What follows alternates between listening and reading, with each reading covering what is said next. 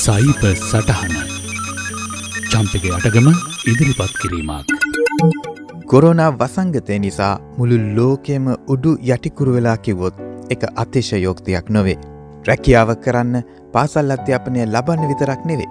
සමීපතම නෑහිත මිතුරන් එක්ක සුහද කතා බහය දෙන්නත් වෙලා තියෙන්නේ අපේම නිවස තුළ හිර වෙලා අන්තර්ජාල වීඩියෝ තාක්ෂණ හරහා. එකම නිවසේ මුළු මුළුවලට වෙලා පවුලේ සියලුම දෙනා පරිගණක ටැබ්ලට් දෙස මුහුණ හොවාගෙන දවසෙන් වැඩිම කාලයක් ගෙවීම බොහෝ නිවෙස්වලට සුල්ලබ දසුනක්. කොරෝනා සම්බන්ධව අපි උනන්දුවෙන් කරුණු හොෙන අතරේ තවත් භයානක ව්‍යසනයක් අපේ දෑස් ඉදිරියේ තියෙනවා. හරියටම කිවොත් දැස් ඉදිරියේත් නොවේ මොකද ව්‍යසනය වෙන්න යන්නෙත් දෑස්වලට නිසා.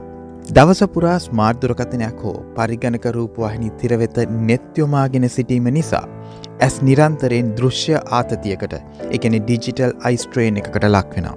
මේට හේතුව අඩු දුරක් වෙත ඇසේ කාචය නාභිගත කරන්නට පෑගානක් තිස්සේ ගන්නා වෙහෙස නිසා අක්ෂිපේශි විඩාවට පත්වීම. මෙයින් ඇසේ දැවිල්ල වියලි බව දෙහෙට්ටුව සහ ඇස් බොඳවීම ඇති කරන බව වෛද්‍යවරුන් පවසනවා. මේ බොහෝ තිරවලින් නිකුත්වෙන නිල් ආලෝකය high energy visible light wavelength ඒ කාලාන්තරයක් තිස්සේ ඇසට වැටුණහොත් විශේෂයෙන්ම අඳුරේ මේ තිර දෙස නිතර බලන්නේ නම් ඒ නිසා දෘෂ්ටිවිතානයට ස්තිරහානි සහ අන්දභාවය පවා ඇති කළ හැකි බව පරීක්ෂණවලින් සොයාගෙන තියෙනවා. නිදිමත ඇතිකරන මෙලටොනින් හෝමෝනෙට නිල් ආලොක්‍ය නිසා කරන බලපෑම නිසා නිදිමත නැතිවී අනේක විද සෞඛ්‍ය ගැටලු ඇති කරනවා. ඒ සම්මගම තිර දෙස නිමග්න වෙන දෑස්වල ඇසිපිය ගසන සාමාන්‍යවේගය අඩකින් පමණ අඩුවීමෙන් ඇස්වල තෙතමනය නැතිවී ඇස්සිතා ඉක්මනින් වියලී ගොස් ඇස් රතුවීම බොඳවීම දැවිල්ලාදී රෝග ලක්ෂණ මතු කරනවා. මේ සියල්ලටම වඩා භයානක වන්නේ අවිදුර දෘෂ්ටිකත්වය හෙවත් මයෝපියා රෝගතත්වයෙන් පීඩාවිදන මිනිස් පරම්පරාවක් මේ මොහොතේ නිර්මාණය විමින් පැවතීම. ෂෝට් සයිටඩ්නස් කියන්නෙත් මේ තත්ත්වයමයි. මේ අලුත් රෝගි තත්වයක් නොවේ නමුත් වත්මනේ මේ දෘශ්‍යාබාධ තත්වේ ශීග්‍ර වර්ධනයක් තියෙනවා.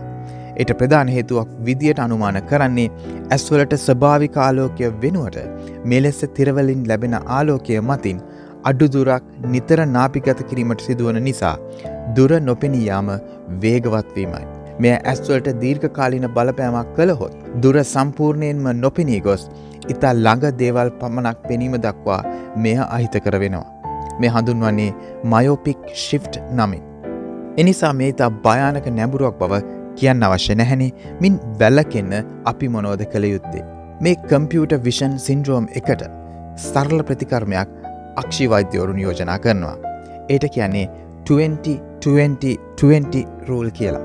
ඔබ විනාඩි විස්සක් තිරයක් වෙත එක දිගට ඇස්යොමාගෙන සිටියහොත්. අඩි විස්සක් ඈතින් තියෙන දෙයක් දෙස බලන්නට ඇස් අඩුම ගානේ තත්පර විස්සක් යොමු කරවන්න. එයයි 2020 රූල් කියන්නේ. මින් ඒ අක්ෂී පේශී ලිහිල් කරන බව ඔවුන් පෙන්වා දෙනවා. ඒ සමගම එලි මහනේ ස්භාවිකාලෝකය විඳමින් ඇවිදයාමෙන් මේ තිරවලින් ඇස්වලට හැකි සෑම් විටම් විවේකයක් ලබා දෙන්න. ඔබ තට්ටු නිවාසක සිටනවා නම් විශේෂෙන් ඔබේ දරුවන් මේ අක්ෂිව්‍යයාමයට ඔමියු කරවීමට ඔබට පුළුවන් නමුත් මේ වගේ ගේම් එකක් කරන්න ඔබට පුළුවන්. නිතර එලිමානට යෑම ප්‍රායෝගිකව අපහසු වෙන නිසා. ඔබට දරුවාගෙන් අහන්න පුළුවන් ඇත පාරේ නවත්වා තිබෙන වාහනවල පාටකයන්ට හෝ නොම්මරතහඩු කියවීමට හැකිද කියලා. ඔවුන් අයිපෑඩික නිතරිල්ලා සිටින්නේ නම් එහි කොන්දේසියක් ඉදිට මෙවැනි ක්‍රියාකාරකමක් එක් කරන්නට පුළුවන්.